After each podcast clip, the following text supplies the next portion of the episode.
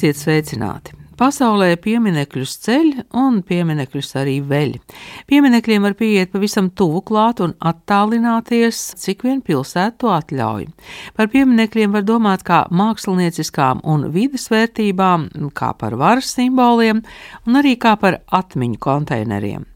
Jaundibinātā Latvijas mākslas zinātnieku un kuratoru biedrība savā pirmajā publiskajā diskusijā padomju okupācijas pieminekļi kā disonējošais mantojums piedāvāja domāt arī par laikmetīgās mākslas iespējām pieminekļus pārinterpretēt un radīt jaunu kontekstu.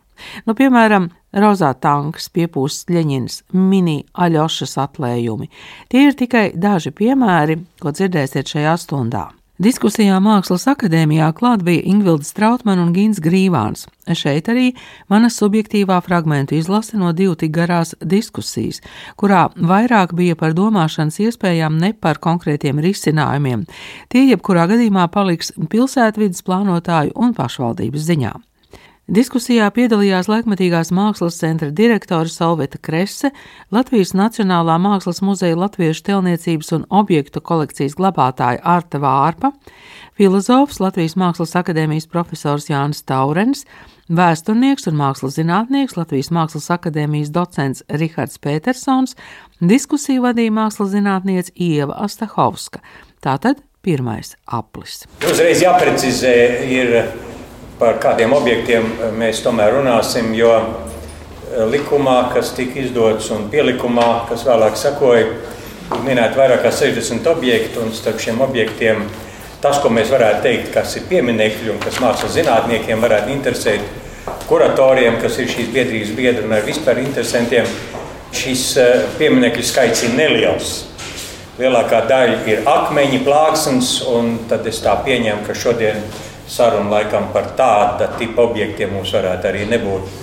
Mēs runāsim par tiem, kas būtu novērtējumi profesionāli pa priekšu, un tad varētu izteikt šo viedokli. Es uzskatu, ka tie objekti, kuri ir šobrīd vēl ne zem likuma palikti, jo es esmu likuma paklausīgs, man vairs neklājās vairs diskutēt par to, ko politiķi ir lēmuši tad eh, par tiem eh, citiem objektiem es varētu teikt, ka es esmu par to, lai viņi turpina palikt tur, kur viņi ir. Un ir tie, kas tie ir, izējot no viņu saturiskā un tam līdzīgā vēstījuma. Un, ja ir nepieciešams, tad mēs papildinām informāciju par šiem objektiem, lai tad nebūtu kaut kādas, nu, nezinu, eh, divas vai trīs vai četras vēl domas, kā mēs šodien raugamies uz šiem objektiem. Es esmu par saglabāšanu. Jau. Pieminekļi jau, nu, jau nav tikai tādi objekti, vai tur tiešām jātnieks uz zirga vai, vai kaut kāds memoriāls piemineklis kādai konkrētai personai, bet tie tiešām ir tādi atmiņu, atmiņu konteineri un kaut kāda nozīme konteineri un uh, satur kaut kādu ļoti blīvu, informatīvu telpu un arī rada ap sevi. Un, man liekas, ka tur būtu tiešām ļoti jānodala kādi pieminekļi tiek demontēti un aizvākti. Ja, piemēram, tie konkrētajā gadījumā runājot par konkrēto situāciju, tie ir tādi izteikti padomu varu slavinoši vai padomju armijas spēku slavinoši pieminekļi. Es domāju, ka jā, tiem ir jāpazūd no mūsu publiskās telpas. Bet, ja šie pieminekļi ir vairāk adresēti vai veltīti kultūras darbiniekiem vai cilvēkiem, kas ir savijušies ar mūsu kultūru vēsturi, tad es drīzāk piedāvātu risinājumu, ka viņi tiešām tiek kontekstualizēti. Un kā jau iepriekš eh, Petersona kungs teica, ka tas tiešām varētu iet kopā ar kaut kādu skaidrojošu materiālu vai kaut kādu kontekstualizējošu vai dekontekstualizējošu elementu, kas maina šo pieminiektu nozīmi vai to nozīmi tajā mūsu kaut kādā kopīgajā vēstures narratīvā ka viņi tiek interpretēti saskaņā ar mūsu patreizējo pasaules uzskatu vai redzējumu, kā mēs patreiz pieņemam šo realitāti. Jā, nu, tā kā, man liekas, tur tiešām būtu svarīgi nodalīt, par kādiem pieminekļiem tieši mēs runājam. Šodienas diskusija arī droši vien eh, inicijēja eh, jautājums par šiem četriem eh, nākamajiem pieminekļiem, uz kuriem attiecas šis rekomendējošais Rīgas domas pieminiektu padomas lēmums. Bet nu, šis otrais pieminiektu nojaukšanas vilnis ir noticis, tas ir pabeigts. Tie bija pieminekļi un zīmes, kuras saturēja nu, padomju armiju. Tas ir pabeigts process. Un, šajos centienos to turpināt, es redzu tādu saudabīgu inerci, kura balstās tādā vienas biedrības izteiktā aktīvismā, kas ar šiem ierosinājumiem apsola, ka ja mēs nu, pārvarēsim un atbrīvosimies no šiem nevēlamajiem vai disonējošajiem, arī nu, šis vārds disonējošais parādās arī šajā diskusijas nosaukumā, ka tad, ka tad mums ir apsolīta kaut kāda, nezinu, atbrīvošanās arī no kaut kādiem draudiem vai no šīs pagātnes. Man liekas, ka tas ir diezgan tā, daļēji tāds neizpildīts. Nu, pilnībā neizpildāms un daļai tādā tiešām maģiskā domāšanā sakņots tā, tāda ilūzija. Jo daudz produktīvāk būtu domāt par padomu mantojuma pārvarēšanu, nevis caur kaut kādu vēl dažu nākamo, un pēc tam varbūt vēl nākamo monumentu nojaukšanu, atbrīvoties un nu, atsapināties. Es to redzu kā tādu daļai iracionālu, tādu inerci. Kas, nu. Man iznāca pieskarties mm, šim pieminiektu jautājumam lekcijā maģistratūras pirmās kursa studentiem, pārsvarā māksliniekiem. Eh, runājot par postkoloniālo kritiku, un eh, nu, sāku ar to, ka es biju pamanījis Neksta tajā Baltkrievijas opozīcijas portālā ziņu, ka šā gada, ne, pagājušā gada oktobrī Kijavā mm, Puškina pisti novāca no postamenta un uzrakstīja Zabuka, kas bija tāds segvārds vienam no mm, Ukraiņu karavīriem, kas pirms tam bija, ja nemaldos, korejiešu valodas pasniedzējs Ševčenko Kievas universitātē. Nu, tad līdzīgi mums lekcijas notiek Kronvalda bulvāriem, tur pavarot šalūzijas pirmajā auditorijā. Puškina piemineklis šeit Rīgā ir, ir, um, ir redzams. Ir skaidrs arī otrs, ka nu, mēs tur nešauboties novāksim padomi tanku no postamenta, bet uh, tikpat labi tādas kultūras personības kā Puškins. Nu, protams, tas piemineklis ir smieklīgs, un tas arhitektoniskais novietojums ir nekāds. Bet uh, ir interesanti, ka Puškins padomu laikā ir tulkots, nemaldos, nu, 5, 6 sējumi iznāca, un, un tā nebija nejaušība. Jā. Un, ja jūs palasat nu, tāds rietumu intelektuāļus, viņi visi ļoti labi zina Tolstoju, Dostojevski, Krievu literatūru. Ne jau tāpēc, ka viņi visi Krievu valodu zina, bet tāpēc, ka viņi bija tulkoti. Un diezgan maz viņi zina citu tautu, tā skaitā ukrāņu rakstniekus, kur padomu laikā netika tulkoti. Tā kā šai ziņā nu, tā nav neitrāla pozīcija. Ja pievēršamies pie Saīda, un viņš runā par um, uh, Dikensu un Tekeriju, jā, par slaveniem 19. gadsimta romānistiem un Kārlēlu un Reskinu, mākslas un, un vēstures jā, speciālistiem, un saka, ka nu, viņi bija šī uh, impēriskā, Britu impēriskā procesa daļa. Viņi nevarēja ne tā visa sabiedrība uz to dzīvot. Tāpat arī tikpat labi Puškins vai slavenākie krievu mūziķi, ko visi zina, Čaikovskis un citi. Viņi ir šī procesa daļa. Un, eh, nu, atšķirība varbūt no Kārla un Dikens ir tā, ka viņi arī šodien tiek izmantoti šiem, šiem mērķiem. Nu, Saīts raksta 93. gadā. Nu, tur Irānas karš, protams, ir bijis, bet viņš saka, ka mēs to nevaram ignorēt, kā līdz šim to darījusi literatūras zinātne. Mums nevajag viņus noliegt, bet šis pretrunīgums kā, nu, bagātina ja mūsu to, to, to, to lasījumu. Mums jāapzinās, ka tā situācija diezgan atšķirās no saīta laika. Karš notiek nu, tepatās, ja netālu Baltkrievija tajā ir iesaistīta. Nu, tur lauka māja kilometrus 30 no Baltkrievijas robežas atrodas. Lai arī visu laiku tiek uzsvērts, ka tieši draudu nav. Un mēs redzam, kā tas ir ietekmējis to procesu, uzvaras pieminekļu nojaukšanu un, un, un citu. Un mēs varam teikt, ka tas ir pilnīgi normāls process, kas notika Kievā. Mēs esam mazliet tālāk no tā, bet tas ir tikpat sāsināts, un mēs nojaucām uzvaras pieminekli. Un man liekas, arī tā attieksme varētu mainīties. Pirms tam man likās, ka viņš iespējams ir jāatstāj. Tas ir nozīmīgs kaut kādai sabiedrības daļai, un mēs tā gluži nevaram ignorēt. Un, uh, situācija mainījās, un man liekas, ka tas bija labi, ka viņš tika nojaukts.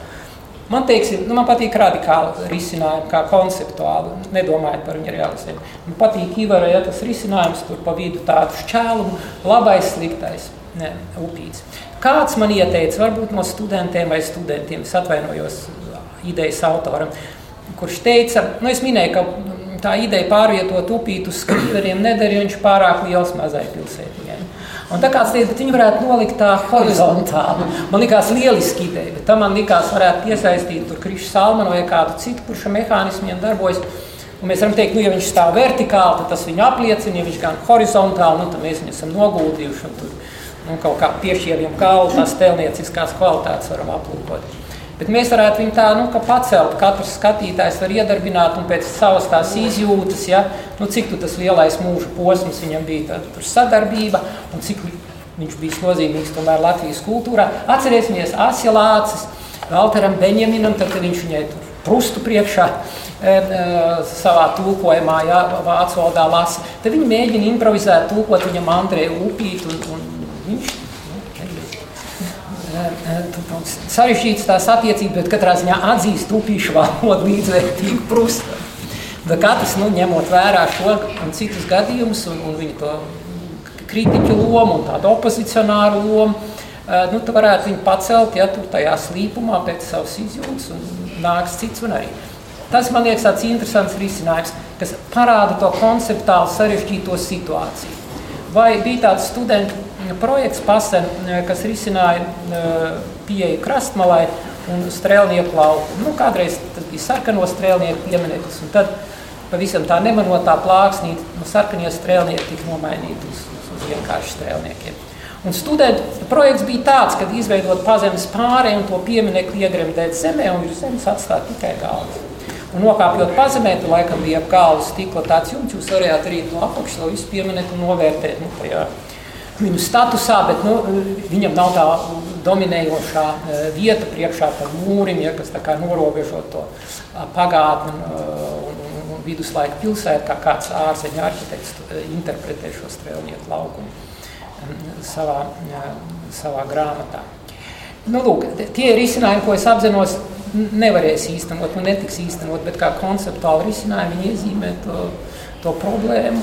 Un, uh, Un man liekas, interesanti tādā veidā domāt par to pārinterpretāciju. Nu, līdzīgi tā informācija, man liekas, īsā vēsture būtu uz brīvības ielas uzlikt visus nosaukumus, kas ir bijis tur. Aleksandra Bulvārs, ja nemaldos, Ļeņina iela, ko es labi atceros, Hitlera laikam vārdā arī nosaukt īsu brīdi. Nu, īsā vēsture, ja. Varētu pieminēt Kāru 12, bet tajā laikā tur nebija laikam nekāda kārtība. Jā, droši vien svarīgi šeit eh, kontekstā arī atgādināt, ka šis publiskās atmiņas centrs eh, vēlas ķerties klāt ne tikai pieminekļiem, bet būtībā arī ir, eh, ir arī jau inicējis diezgan daudzu šo te, no Rīgas un arī citu pilsētu, arī ciematu ielu pārsaukšanu, um, nu, balstoties uz to, ka, ka tas analogi kā, kā, kā, kā pieminekļi um, arī kā, nu, turpina šo te, pagātnes kaut kādu narratīvu. Uh, Un savukārt arī tāda īsa piebilde Jāņa teiktajam. Um, es gan nezinu, vai uzreiz tik skeptiski jāstāsta, ka šie visi šie risinājumi ir neiespējami. Bet ir, jo patiesībā ir ārkārtīgi daudz interesantu piemēru, līdz, mēs, līdz tiem mēs arī varbūt tiksim vēl detalizētāk.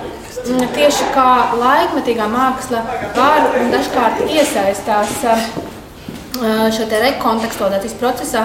Un, tas ir viens no spilgtākajiem piemēriem, kas man nemitīgi nāk prātā tieši šajā diskusijā par, par Andreju Upīti.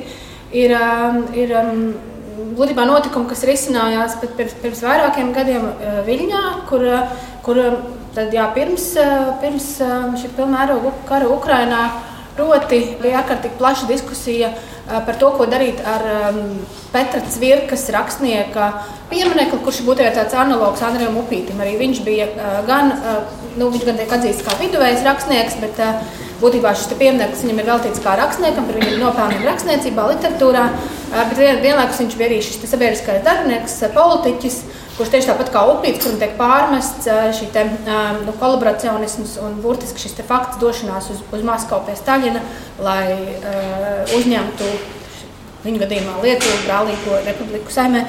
Un tā vietā, lai vienkārši akceptētu šo te, nu, arī noteiktu politiķu nu, pozīciju, ka piemineklis ir jāizvāc, tas ir viens no, netiem, viens no nedaudzajiem, kas, kas Lietuvā joprojām ir palicis no, no šī totalitārisma laika.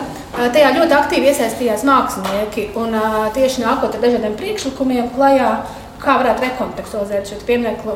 Starp citu, vairāk no tiem priekšlikumiem bija gana līdzīgi. Arī tur, piemēram, bija priekšlikums pāršķelt viņus pusēm, un tad arī šī, te, šī te labā kreisā puse, kas, kas ir tāda sakrīta ar Ivara ideju par, par upīti. Arī tur, piemēram, cits, cits priekšlikums bija tieši arī tad, iesaistīt kinētiskas kinētiskus mehānismus. Un, proti, ka katrs pats sabiedrības pārstāvs var izvēlēties ieliekot monētiņu, vai viņš vēlas redzēt šo pieminiektu uz, uz, uz piedestāla, vai tomēr nogremdētu zemē, pazemē un, un, un atbrīvot šo telpu. Tikai Ivars, bet arī es esam aizņēmušies. No lietuviešiem viņi mums ir apsteiguši.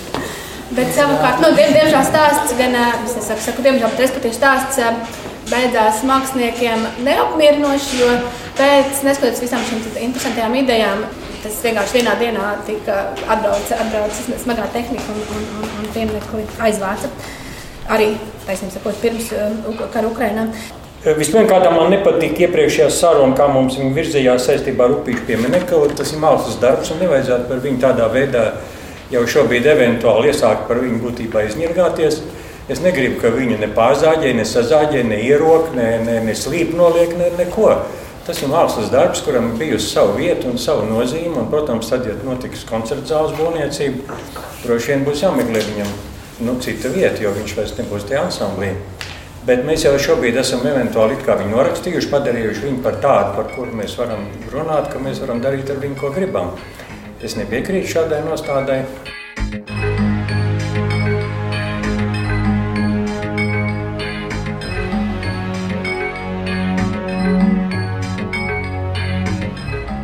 Es atgādinu, ka diskusijā piedalās Solvita Kresīva, Astahovska, Arta Vārpa, Rihards Petersons un Jānis Taurens, bet diskusijas publicitātes attēlā Ivara Drūles priekšlikums Andrei Upīšu piemineklim. Tāpēc daudzkārt tiks pieminēts sašķeltais piemineklis, labās un kreisās puses nodalīšana. Ko eksperti saka par filozofa Artas Veces ieteiktajiem kritērijiem portālā Satorī? Viņš piedāvā turpmāk pieminekļu nozīmi izvērtēt četrās dimensijās - vēstījums, vēsture, mākslinieciskā vērtība un pilsoniskā vērtība. Kas attiecas uz šiem četriem eh, Artas Veces piedāvātajiem kritērijiem, tad neviens no viņiem patiesībā nevar nostrādāt, jo viņi visi ir subjektīvi uztverami. Vēstījums mūsu izpratnē par to, kas ir vērtīgs. Nu, pasakiet, kāda ir mūsu izpratne par to, kas ir vērtīgs. Arī pajautājot šai zālē cilvēkiem, katram būs kaut kāds cits vērtējums. Vēsture, cik piemineklis nozīmīgs mūsu vēsturiskajai atmiņai, visi šie pieminekļi ir vēsturiskā atmiņa. Mākslinieciskā vērtība, cik mākslinieciski veiksmīgs vai nozīmīgs. Un atkal šeit klātesošiem, ieskaitot mākslas zinātnieks, varētu būt ļoti dažāds viedoklis kas ir mākslinieciski veiksmīgs vai, vai mākslinieciski netik nozīmīgs. Un arī pilsoniskā vērtība. Jautājums ir par to, kas ir svarīgs iedzīvotājiem, kuriem iedzīvotājiem. Vai tiem, kas dzīvo Imantā, eh, Purciemā, vai tiem, kas dzīvo Rīgas centrā, kur gan viņi patiesībā vairs tāpat kā nemaz nav šo vietējo. Vai tas ir man kā jūrmalniekam vai vēl kādam, jo Latvija gal galā mums visiem ir viena un arī Rīga kā tāda. Tāpēc man vienīgais kriterijs īsumā, varētu teikt, tāds ir primārais. Tā ir profesionālā nostāja, vai šo darbu ir darinājis cilvēks, kas ir mākslinieks, nu, respektīvi tēlnieks, arhitekts un tam līdzīgi. Tad tas ir kriterijs numur viens. Un otrs kriterijs, kas ir sekundārs, gan tas ir sabiedrības attieksmes. Tikai sabiedrības attieksme ir jānoskaidro, kā mēs pie viņas tiekam. Ir zinātnē, socioloģija, kas ar to var nodarboties profesionāli, un tad mēs varam arī tikt pie rezultātu. Tā kā šādi divi kriteriji. Bet var arī pārinterpretēt patu, pašu vietu. Es atceros, izstādi piemineklis 1995. gadā. Helēna Demokotora bija kuratora. Un kā Ļeņina pieminiekļa vietā, nu, atcerēsimies vispār, kad arhitekts Ļeņina pieminekli, nu, brīvības pieminiekli ir viens un tas pats, Aļģis Štālbergs, kas arī par kaut ko liecina, nu, kas lieliski apvienojas tajā anekdotē pat vai laiku, ja, kad viņi aicina, nāciet, nāciet no austrumiem, un milti skatās, kur mēs tos visus liksim. Tur tas lielisks apvienots. Nu jā, bet tur bija, viņš jau bija novāks piemineklis tajā laikā, un tur um, skandināvu mākslinieks Ulfs Rolovs bija izveidojis karuseli no sudrabēglēm, kas ir tāds nu, pie Kremļa sienas, Daugavpils cietoksnī, tur tādas bija kādreiz, kur notika, acīm redzot, vietējās parāds. Nokrāsojas viņas sarkanas, eh, lai fotografijā no augšas viņas veido piecas starp zvaigznes, un tur tiešām bērni sēdēja, viņus grieza. Tagad Tūls Rolovs ir uztaisījis sev mājaslapu, tur viņš to nosauc par karuseli. Šo darbu un ielicis arī fotografijas labs, kuras var rādīt studentiem. Man liekas, ļoti veiksmīgi šīs vietas pārinterpretācija ar visām tām nozīmēm, ar ko tas saistās un kaut kāda tur tāda iesaista. Tā kā pat pārvietojot to pieminiektu, nevajadzētu aizmirst to vietu, un ka viņš tur ir bijis un, un tās nozīmes kaut kā saglabāt. Nu, tādā veidā šo atmiņas, neļaut to atmiņas izdēšanas motīvu. Nu, ja mēs runājam par tiem kritērijiem, nu, protams, Tur ir tā lieta, ka eh, viņi nav identiski, bet viņi saistīti. Mēs nevaram ja, nu, runāt par to. Saturs nepastāv citādā veidā, kā noteiktā formas artefakta veidā. Vēsture arī nu, izvērtē tos notikumus, kā jau Pēters teica. Tas viss kaut kādā ziņā vēstures liecības patīkamākas vai nē. Savukārt mākslinieckā vērtība nu, nav arī nav absolūti. Viņa laika gaitā mainās no mūsu attieksmes. Mainās tie kriteriji, kā mēs to skatāmies. Nu, viņi nav saisti, viņi saistīti ar saturu, viņi saistīti ar sabiedrības attieksmi, mākslas profesionāļi un tie, kas ar to nodarbojas. Profesionāli arī sabiedrības daļa, ja mainās dažādas teorijas, kā mēs uz to, to skatāmies. Un eh, skaidrs, ka sabiedrība ir, nu, nav, viņa nav viendabīga, viņa ļoti heterogēna, ja ir dažādas sabiedrības grupas.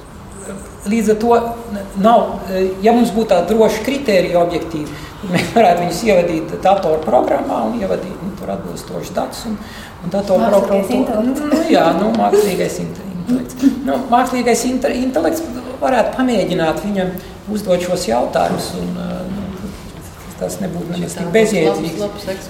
Jā, man, man, piemēram, patīk, kā, kā Sveci to ir iezīmējis.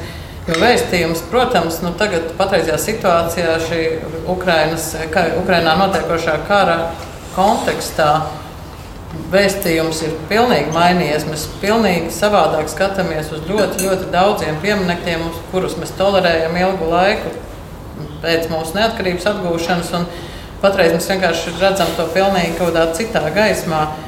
Un arī par to māksliniecisko vērtību, jo arī labiem māksliniekiem var izdoties vāji pieminekļi, sanāk, nevis izdoties, sanākt vāji pieminekļi, būt māksliniecks neveiksmes. Tā kā es domāju, tas arī nu, tas ir kriterijs, kur kaut kāda virkne speciālistu par to vienojās. Un, protams, ir liekas, viss vis tāda sensitīvākā ir šī pilsoniskā, pilsoniskās sabiedrības kaut kāda attieksme. Jo mēs redzam, ka Ukraiņas kara laikā mēs eh, varam novērot milzīgu sabiedrības polarizāciju. Ir gan tiešām tāda nacionālisma eskalācija, un arī mēs redzam, ka nu, pretējais flanks arī ir ļoti aktivizējies un arī pauž to savu viedokli. Un tad jā, tiešām kā mēs izbalansējam šam, caur šīm sabiedrības grupām un kāda ir šī nu, autoritīvo institūciju nostāja, kuru sabiedrības grupu viņi tajā, um, tajā laikā pārstāv. Bet, nu, kā jau mēs skatāmies, arī kaut vai kā veidojas muzeja kolekcijas, arī vienmēr jau tas ir kaut kādas sabiedrības grupas vai indivīda kaut kādu eh, vērtību atspoguļojums un arī konkrētā gadījumā kura sabiedrības grupa ir šo vērtību noteicēja, tad tā arī nu, raksta šo vēsturi. Man pat patiktu sākt savu kaut kādu tādu schēmu un tad domāt, jā, kur tad tas viss iet ārpus kaut kādas šīs schēmas, ārpus šīm iezīmētām dimensijām, kur tas atkal neiekļaujās kaut kādā tādā dimensiju kontekstā. Bet Jānis atcerējās Rolfa Ulafa to zvaigzni, sarkano karuseli Es vēl gribētu atgādināt par Aigara Bikšas eh, pieminiektu tajā pašā vietā, kur viņš bija uzlicis šo piepūšamo ļaņinu. Tas ir atsaucis uz to tavu variāciju par kinētisku upīti, kur eh, bija tas zilais piepūšamais ļaņins, tādā gandrīz dabiskā lielumā, un viņš vienkārši piepūtās un izlaida gaisu un noplaka un to roku cilāja turpu šurpu. Nu jā, tas, eh, jo, jo tur man liekas, ir tāda diezgan tā, sensitīva lieta, vai tiešām mēs drīkstam aiztikt tos citu autoru darbus, griezt uz pusēm, kustināt. Un, nu, jā, es nezinu, cik tur tā, tā ētiskā dimensija ieslēdzās, bet kā uzlikt iepūšamo ļaņinu vai sarkano karuseli, mēs droši varam un to vietu vienkārši uzspridzināt to vēsturisko kaut kādu to ietvaru, kas tur ir, vai drīzāk tādu kvalitīvās atmiņas kaut kādu ietvaru, kas tai vietai piemīt.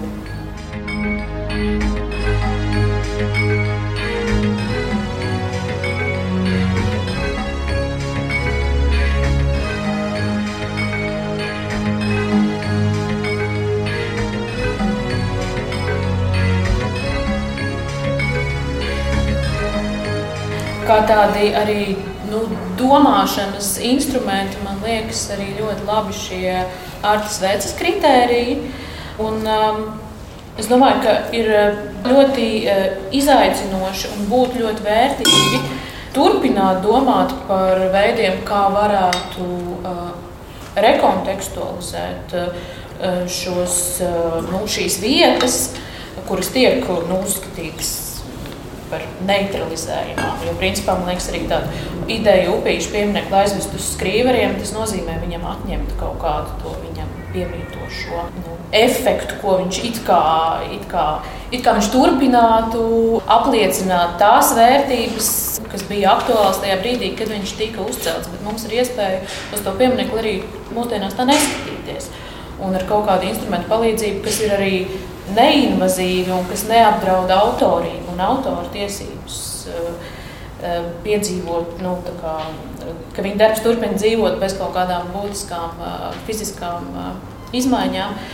Tie var būt arhitektoniski risinājumi, tie var būt vidas, skaņas, nu, visdažādākie. Protams, tie nevar nākt mākslīgi, un vislabāk ir, ja tie rodas nu, māksliniekiem vai, vai kaut kādām grupām. Un, un, nu, lai gan arī tie nevienmēr ir veiksmīgi, kā mēs redzam. To raksta Sergejs Kruks savā diezgan tādā semiotiskajām attiecībām balstītajā pētījumā par pieminekļiem. Latvijā, kas, kas būtībā nu, kas arī attiecās vairāk uz šo pirmo vilni, ka, nu, kas ir tie, tie ierastie ceļi, tas ir piemēram kaut kāda paskaidrojuša plākšņu pievienošana, vai tieši otrādi kaut, kā, kaut kādu uzrakstu noņemšana, kas piemēram bija upīšu gadījumā, kur viņš sākotnēji šis uzraksts vēstīja, ka tas ir tautas Nu jā, tagad tur tikai Andrai Upīša pārāks viņa rokraksts. Uh, tad, respektīvi, nu, kas ir kaut kādas vaziņā tie uh, blakus zīmes vai kaut kādas, nu, tādas, uh, nevis centrālais kaut kāds uh, pieminekļa, nu, ko, ko, konteksts, bet, bet šeit ir paskaidrojuši kaut kādas elementi. Piebilst, ka tas piemineklis jau viņš iegūst kaut kādu, protams, slikti organizētu uh, kontekstu. Es pirms šīs diskusijas speciāli gāju viņu tūplānā skatīties, jo es līdz šim biju ar tikai zināmu distanci viņam gājus garām. Un šo zemās pamatnes daļu virs viņa, viņa paraksta skaiteri jau ir nopulējuši. Nu, tas tiek izmantots kā, kā, kā skaitošanas e, laukums. Un patiesībā, lai arī nu, viņš ir ārkārtīgi nu, izmēros liels, attiecībā pret kongresu namu un tiem parka apstādījumiem, viņš patiesībā nu, nedisonē ar vidi. Viņš ļoti labi, sevišķi tajā nu, zaļajā sezonā, viņš ir tādā kā kamuflāžā paslēpies šajā ansamblī. Un, Es, jā, es patiešām neredzu nekādu apdraudējumu, ko šis piemineklis izturbo. Nu, piemineklis ir komplekss, ja tur ir tēlnieku un arhitekta darbs. Un viņš tajā paredzētajā mākslinieckajā nozīmē darbojas tajā arhitektoniskajā eh, kontekstā. Ja mēs viņu pārceļam kaut kur citur, viņš kļūst jau tikai tāds informatīvs nesējs par vienu šīs mākslas darba daļu. To tēlniecisko daļu viņš novietots citā kontekstā. Un, un šī gadījumā nu, tas arhitektoniskais iesēdinājums ir korekts. Ja, tādai lielai skulptūrai viņš darbojas. Te ir tas interesants, es ne, nezināju par tiem skateriem, man liekas, tas ir eh, tāda nu, tā dabiska rekontekstualizācija. Ļoti sen, kaut kur 90. gadu sākumā, un tad viens teica, ka kādā mm, ārzemju draudzene atbraukusi un teikusi, nu, īsta brīvība jums būs tad, kad tur varēs tur, teikt, sēdēt uz kāpnītēm, brīvi pieminiet, dzert tur kolu un tur dejot un nu, tā brīvi izturēties. Ja, ka, nu, ne, nebūs ja, tāds tā, pilnīgi kaut kāda pietāts, kā tur izturēties. Man liekas, ka šeit ir tā rekontekstualizācija tiem skateriem, tā dabīgā ļoti labi. Nu, viņi tur skaito. Tas vairs nav tur tāds nu, oficios, ja tur ar pietātu, ar līkumu iet apkārt un um, kaut kam tādam. Nu, brīvības pieminiektu gadījumā tur mazliet cits ja, tas gadījums. Tur tā, tas draud un tas spiediens ir bijis tik liels, un, un tas vēl turpinās. Ja, un, un, uh, tur tā viņas piezīme varbūt pilnībā šis te, man filozofa drauga, draudzenes piezīme neņem vērā visu to informāciju. Bet, ja šādi tiek upīts, varbūt rekontekstualizēts, ja kā tāds skateparks, varbūt tur nemainot to arhitektonisko, to var pastiprināt. Ja. Jā, tas ir viens no rekontekstualizācijas veidiem, ja, ko arī ar performanci var izdarīt, kas ir īslaicīgi, ja, bet viņi to, to izdara. Mm. nu, tagad viņš tiek rekontekstualizēts pateicoties tam, ka Krievijas vēstniecība un Ukrainas karogi viņai mm. iepratī.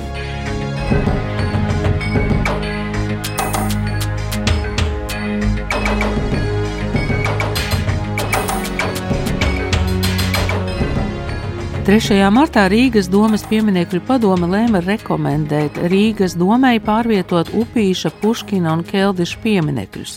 Annas Sakses piemineklis jau ir pārvietots. Attiecībā uz Upīša pieminekli droši vien savs vārds būs sakāms Rīgas filharmonijas projekta autoriem, kā viņi redz vidi ap koncertu zāli. Pētera pirmā piemineklis ir Krievijas dāvinājums Latvijai, un arī ne īsti līdz galam saskaņota viņa atrašanās vieta. Tā kā katram savs stāsts un arī tēlnieciskā vērtība. Rihards Petersons nedaudz ieskatās arī pieminekļu celšanas un pārbīdīšanas vēsturē no sava personīgā skatu punkta. Tālāk eh, bija nu, Latvijas eh, neatkarīgā valsts, un man ir pieminiekta aizsardzības likums, redziet, es te esmu sagatavojies drusciņi un pieminiektu likumā. Tas ir eh, kurš piektais pants, es nocitēšu. Izstrādāt obligatoriskus noteikumus pieminiektu pieteikšanai, aizsardzībai, uzturēšanai, kā arī Krievu režīma un Vācu okupācijas varas laikā celto pieminiektu nojaušanai vai piemērotai pārbūvēi. Tātad arī šeit viennozīmīgi tiek pateikts, nu, kas būtu jādara, ja ir kaut kas, ko tagad šī jaunā neatkarīgā valsts ir sākusi veidot savu arī kultūru vidi, sākusi domāt par savu vēsturi un viennozīmīgi norāda, ka ir arī tāds uzdevums, kā jūs nu pat dzirdējāt. Nu, par padomu laiku es te nerunāšu, vai ne? Tas nu būtu atkal attiecīgi skaidrs, eh, un eh, te tā attieksme arī ir interesanta, manuprāt, ir vērts arī pie tā piedomāt. Ir grāmatas uzrakstīts, jūs varat redzēt, kādā veidā padomu var nīcināja Latvijas republikas laikā. 2030. Eh, gados eh, celtos pieminekļus. Tā pašā laikā viena daļa pieminekļu palika neskarta. Nu, eh, jāsaka, paldies padomu varai, kad nenojauc brīvības pieminekli.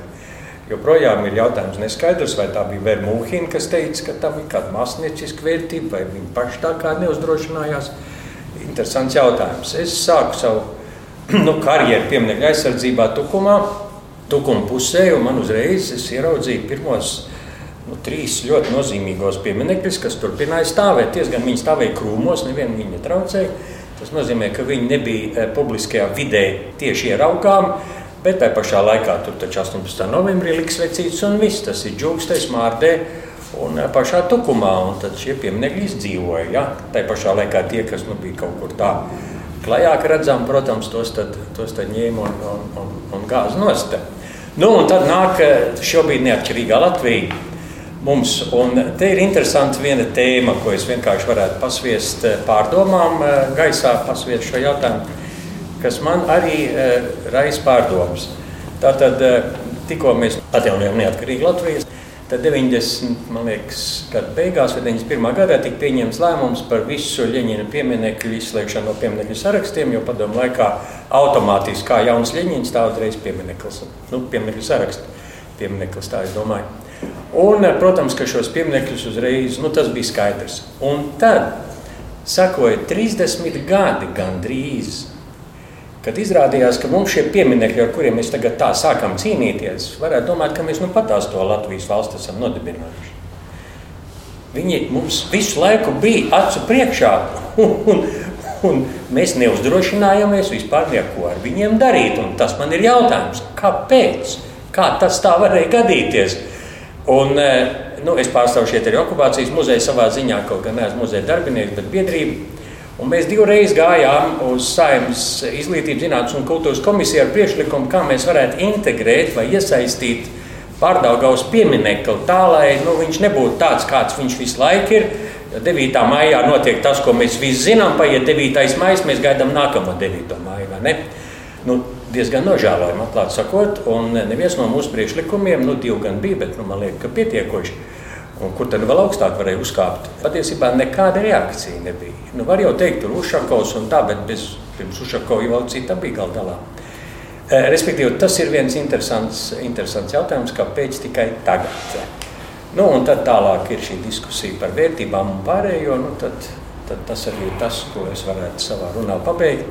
Tā kā visas politiskās varas, visas politiskās varas ir tā vai citādi mēģinājušas šo savu varu manifestēt caur publisko vidi.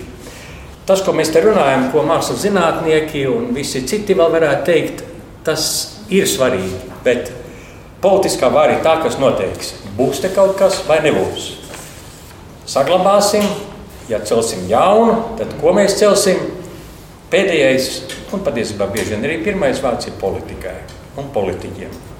Ja sabiedrība ir, nu, pilsoniska sabiedrība, demokrātija, mēs jau nerunājam par totalitāru vārdu, ja viņi ir pietiekami spēcīga, nu, respektīvi, nu, cilvēki spēj eh, arī savu vēsturi uztvert eh, nu, daudz maz, teiksim, ne tikai zināšanām, bet nu, ne tikai ar emocijām vien, bet, bet, bet ne tik sāpīgi kā, kā Latvija. Jo mums, kā mēs pastāmies uz vēsturi, kā mēs pieduram pirkstu pie katra kāda vēsturiska notikuma, visur sāp, visur ir kaut kas. Tad, eh, tad politiķiem tas nav tik būtiski. Nu, es, piemēram, domāju, Somija. Ja? Tur Aleksandra otrā piemineklis stāv Helsiņu centrā, un neviens eh, teiksim, no Somiem neuztraucās, ka tas viņiem tā teikt kancerīvēt, vai ne?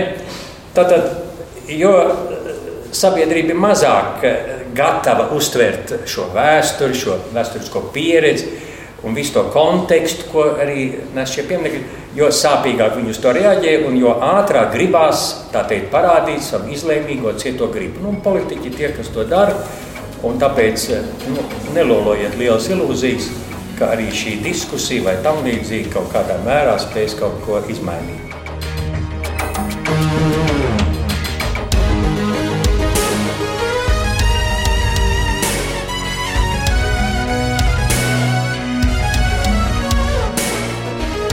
Ne jau Latvijai un Rīgai vien jādomā par saviem pieminekļiem. Būtu labi paskatīties, kā kaimiņos notiek pieminekļu revīzija vai pārinterpretēšana. Solvita Krese. Nekur jau tādas skaidras receptes nav, kad visur šīs diskusijas notiek un tiek meklēta risinājuma un tāda, nu, tāda stratēģija, kuru mēs varētu pārņemt un sekot, tādas īsti ir neredzu. Piemēram, jau pieminēja Igauniju, tas tiesa, ka viņi ir nu, tādi pielaidīgāki varbūt savā ziņā, nu, ka viņi neķerās klāt šiem kultūras darbiniekiem, kas kaut kādā veidā ir bijuši saistīti padomju varu vai kaut kādā veidā reprezentē padomju varas kaut, kaut kādus sniegumus vai drīzāk eh, kaut kādas negatīvās puses. Bet es gribētu paskatīties, piemēram, kas notiek pašā Ukrajinā, jo viņiem jau tieši jau sākot no 14. gada, jau no Krievijas invāzijas, gan Donetskā, gan Lukanskas apgabalā, viņiem sākās ļoti izteikti šī, šī dekomunizācijas, dekomunizācijas programma, pat, arī tas likuma noteikti. Tur bija ļoti skrupulozi aprakstīts, kas ir jādemontē, jānokaļ, jāiznīcina nu, līdz tādām detaļām, ka tiešām zvaigznes tika izkaltas ārā no ornamentiem un sirds un āmurs nevarēja parādīties nekur. Un mēs zinām, ka mūsu kolēģi no izolācijas, no kultūras un mākslas centra savā laikā, kas atradās Doņetskā, tagad viņi atkal jau ir nevis tagad, bet kad sākās iebrukums šajā teritorijā. Viņi pārvācās uz Kijevu, bet viņi diezgan daudz ar to strādāja. Īpaši strādāja glābjot mozaīkas, kas ir ļoti unikāls padomju laika mantojums tieši Ukrajinā. Viņiem ļoti daudz mozaīkas ar tādiem nu, režīmu slavino, nu, pat neslavinošu, slavinošām tēmām vai sižetiem, bet daudz kur nu, attainojošiem pat tā laika kaut kādu tādu patosu un kādu tur, nezinu, tur proletariāts un vēl kaut kas. Un tās arī tika vienkārši brutāli nokautas nos daudzās vietās, vispār neizvērtējot to māksliniecisko, māksliniecisko vērtību. Kā man liekas, ka tās diskusijas notiek joprojām, jo Lietuvā ir notikuši daudz arī projekti, arī piemēram viena kaujas bienāla tika veltīta tieši šai šo pieminiektu statusu vērtības pārvērtēšanai. Piemēram, tāds ļoti interesants piemērs, nu, arī, piemēram, skatāmies, kas bija Igaunijā Kristīna Normana mākslinieca, ko mēs esam daudzreiz strādājuši Latvijas mākslas centra projektos. Piemēram, 2007. gadā, kad tiek no, novākts šis piemineklis Aļošam, nu, kas ir padomju. Nu, tāds tēls, kas reprezentē padomju armiju, bet ir arī līdzīgi kā uzvaras piemineklis mūsu gadījumā, ir kļuvis par tādu simbolu, kur krievalodīgā kopiena pulcējās arī 9. maijā un arī lika šos ziedus. Un, un tad, kad šis piemineklis tiek aizvākts uz nu, kā, kapiem, jā, uz kapiem, tad viņa uztaisa tā tādu maketu. Tieši nu, tā tādu atlējumu un noliek nu, tā pieminiekta vietā šo atlējumu, kas ir redzami, ka tas ir atlējums. Un cilvēki atkal iedarbina šo savu, e, šo savu atmiņas telpu, šo savu nozīmi telpu, kā tur likt ziedus. Tad tālāk, tas, protams, tas aplējums arī tiek aizvākts ar policijas palīdzību. Un pati Kristīna, man liekas, tur tiek iebāzta policijas mašīnā. Un tā viņi pēc tam atnes tādus mazus aļošus, nu tādu, un noliek tādu mazu aļošu tajā vietā, un cilvēki atkal sāk nākt un likt ziedus. Tā kā vienkārši tā vieta, tā vieta ir kļuvusi par šo atmiņas konteineru, kuru tu vienkārši nevari vienkārši tā izņemt. Viņš tur joprojām ir. Un arī 95. gadā, kad mēs veidojam izstādi pieminekļus, uz ko jau Jānis atsaucās, kad arī tur māksliniekiem tika doti uzdevumi strādāt ar šo atmiņas telpu vietās, kur pieminekļu vairs nav, vai kur viņi ir tikuši plānoti un nav uzcelti. Tā kā arī šī vietas uzlādēšana kaut kādu atmiņu arī ir, vai arī, piemēram, Nomedai un, un Gedaminam Urbonam, arī, man liekas, 95. gads Atceries, viņiem bija tāda uz tā zaļā tilta, ko novāca pēc tam tos pieminekļus. Tur viņiem bija tāda brīnišķīga tēlu sērija uz katra tā tilta balstiem. Tur viņi uzlika spoguļu, spoguļu galu, uzlika galu vietā spoguļu kastes, un tas darbs arī saucās, man liekas, kur mēs ejam vai nākam. Nākot vai ejot, jā, vai mēs ejam vai nākam. Un kad tas tā visa pilsēta vidus spoguļojās tās viņu galvās, un arī paši mēs spoguļojamies tajās galvās un domājam, ko tad, ko tad darīt ar viņu šiem pieminekļiem. Un beigās tomēr novāca tās skulptūras. Man liekas, pat diezgan nesen, kaut kādā 14. gadā vispār. Bet turklāt ir argumentācija, ka viņas ir jārestaurē, un turklāt tad, jā. nu, šī restaurācija nekad tā arī nenotika. Un, netika. un objekti netika atlikti mm -hmm. atpakaļ. Tā kā, nu, tādu labu piemēru īsti pat, nu, es, ne, es nezinu, varbūt kaut ko arī nezinu tik, tik detalizēti, bet īsti jau nav tādu labu piemēru. Man liekas, visi mokās, visi mēģina ar kaut kādām interpretācijām, ar kaut kādām sistēmu piemērošanām iet. Nu jā, es, es domāju, ka tie piemēri, kurus tu minēji, tomēr spilgti apliecina, ka mākslā, laikmatīgā mākslā tomēr ir arī pietiekami spēcīgas. Tomēr, balss, vai es teiktu, arī tomēr vara iesaistīties šajā diskusijā par, par pieminekļiem un kaut kādu viedokļu veidošanā, un arī tam nu, līdzi iesaistīt eh, tādu publiskāku viedokli.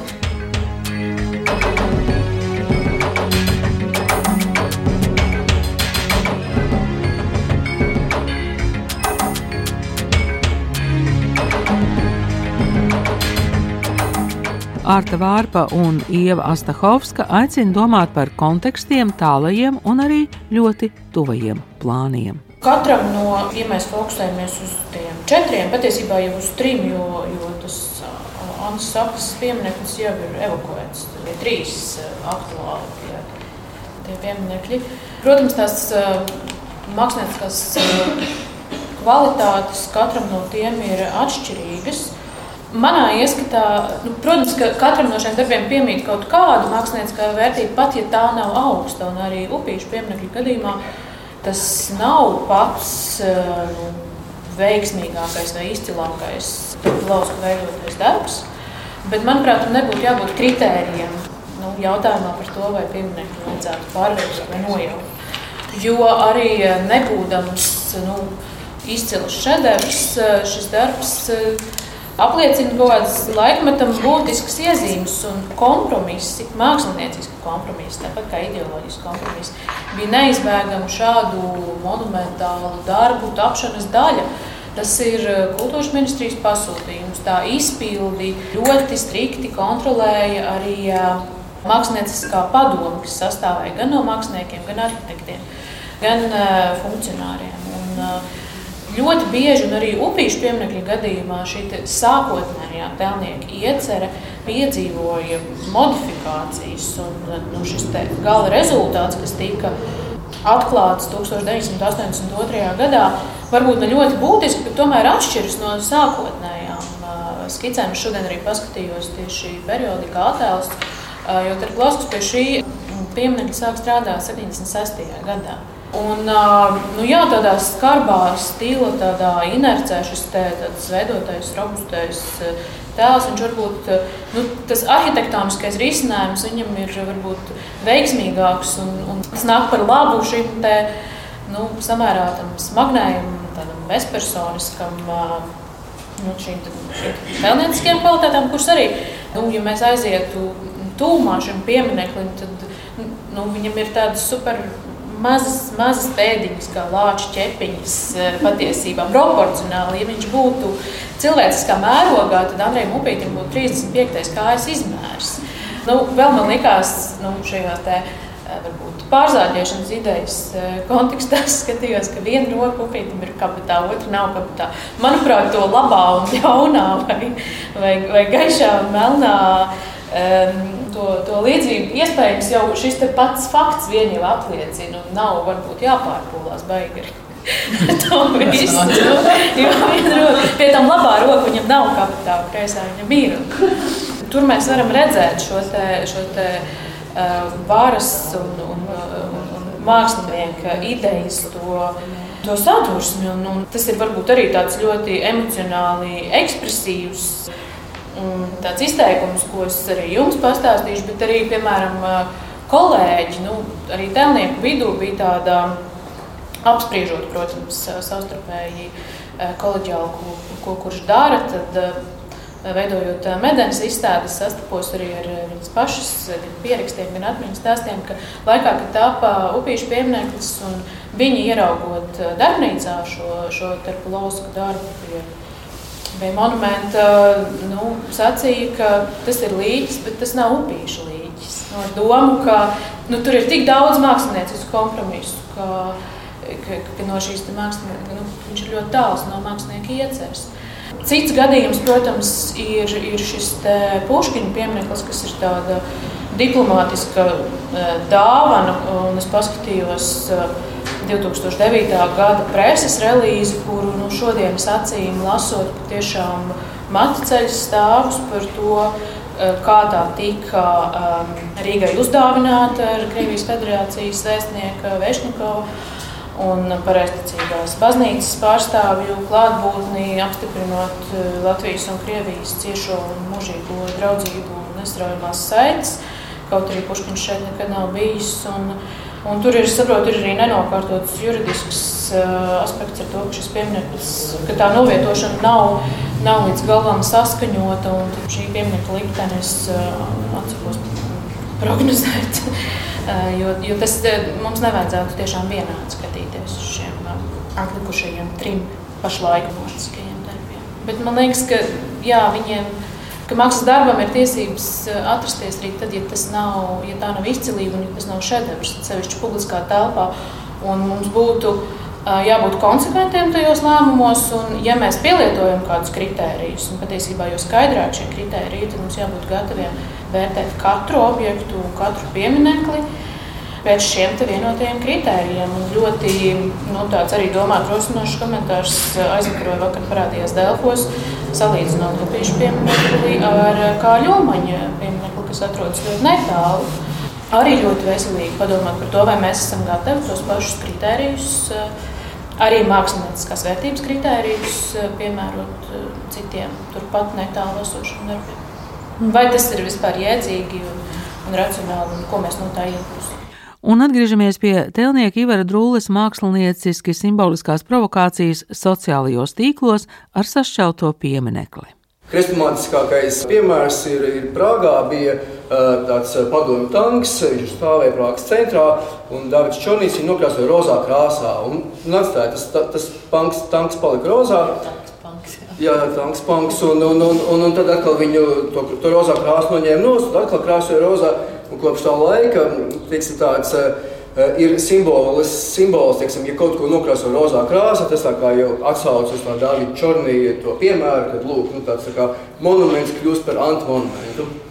Un, un, un šeit es atkal uh, tad, turpinu savu, savu domu gājienu upīšu virzienā. Mēs no uh, rekontekstualizēšanas, pārinterpretēšanas šeit neizvairīsimies. Uh, uh, šobrīd izskatās uh, tā, ka nu, ir, ir viens variants, ka nu, viņš tiek, pacakot, visdrīzāk viņš tiks savā veidā nogalināts. Tādā ziņā, ka viņš paredzēts tieši tam vietai, tieši tam laukumam, tieši pie tā kongresa nama, bet ja viņu aizved uz krūmiem, teiksim, kā Lietuvas variantā, aizved uz pieminiektu izkastiem, nu, viņš tiek nogalināts, viņš tiek, viņš, tiek, viņš tiek iznīcināts. Tas vairāk nav tas, tā, tāda veida upīšu piemineklis. Un, un, un, un tad es sāku domāt par kaut kādiem iespējamiem risinājumiem, nu, ko mēs varētu darīt. Un es arī skatos, arī mm, teiksim, šis panelis arī, arī nav vienots. Ir, ir, ir, ir, ir dažādi uzskati jūsu, jūsu, jūsu pusē. Daļa no jums, kas saka, ka viņu vajag atstāt, daļa, ka viņu vajadzētu varbūt iespējams viņu radikālām metodēm pārmainīt. Un, un tāpēc man radās tā doma, ka nu, tā vietā, lai viņu nevis, nevis nogalinātu, nogūst krūmos, noliktu noliktavā, nu, teiksim, kaut kādā ziņā viņu kā, nu, piesmējot, tad es domāju, ka es, mans piedāvājums ir no, no šī pieminiekļa izgatavot tādu kvalitatīvu, laikmatīgās mākslas darbu, kas lielā mērā simbolizē mūsu sašķelto sabiedrību. Nu, mēs esam sašķelti, mēs būsim sašķelti, un šeit nekas īpaši netiek darīts, lai, lai sabiedrību liedētu. Visi, visi soļi, ko mēs redzam, nu, ir, ir, diemžēl, ir sašķeltība tikai ar vienu vairāk, kaut vai puškiņu mēs novāksim. Tas, atkal būs mazs punktiņš, nu, bet nu, viņš laikam ir jānovāc. Jā, bet, bet, jā. Nu, lūk, tāpēc, tāpēc ir, ir, ir, ir radies šis piedāvājums. Bet, par autorību, par cieņu pret autoru un cieņu pret tēlnieku. Es, es laikam esmu jā, jāatzīst, ka esmu saņēmis ļoti daudz atbalstu, ziņas. Un vēl divas būtiskas piebildes. Vienu nolasa Silvija Grosa, un tas ir mākslas zinātnieces Rutas Čaupovas viedoklis. Pirms šīs eh, sanākšanas es sazinājos ar Rutu Čaupovu. Visi zina, kas ir Ruta Čaupova un cik liela loma ir viņai tādā telniecības pētniecībā. Viņa lūdza pateikt, Pirmkārt, to, ka viņi ļoti atbalsta šo ideju, ka pašu tel, telniecības darbu formu veidu ārkārtīgi labi arī pieļauj. Tas ir viņas viedoklis. Un otrs ir tas, ka nu, tas pirmkārt ir ļoti liela izmēra bronzas darbs, kādi ir reti sastopami, un ka nu, būtu žēl, ja viņš no tās vietas pazustu. Tas ir viņas viedoklis. Tas ir viens. Un otrs saistībā ar šo diskusiju. Un ar to, ko vispār darīt ar tādiem darbiem, viņa uzskata, ka ir nepieciešams veidot profesionāļu komisijas un nevis to ļaut izlemt vienai personai vai kādai birokrātiskai iestādei. Tad ierosinājums ir būtībā organizēt nu, kādu profesionālu tādu uh, grupu ar speciālistiem, kas tad šo viedokli pauž. Tas ir no Rūtas Čaupovas caur mani, jums kā tādu teikt. Paldies! Un otram, varbūt pajautāsim mākslīgajam intelektam, ko viņš, ko tas saka par pieminekļiem un kā pret tiem izturēties. Droši vien arī mākslīgajam intelektam būs vajadzīga papildus informācija. Tikmēr mūsu atmiņu konteineros dzīvo gan vietas, lietas, cilvēki un jautājumi. Šodienas diskusijā piedalījās Ieva Stahovskas, Salvita Krese, Arta Vārpa, Jānis Taurenis, Rihards Petersons un Ivars Drūle. Radījumu veidoja Valdis Raitums, Ansis Pavasars, Gins Grīvāns un Santa Lauga. Man Ingvildē Strautmanē bija interesanti domāt par tanku panku, karuseli un katra individuālo izvēli, kādā leņķī skatīties uz pieminekļiem.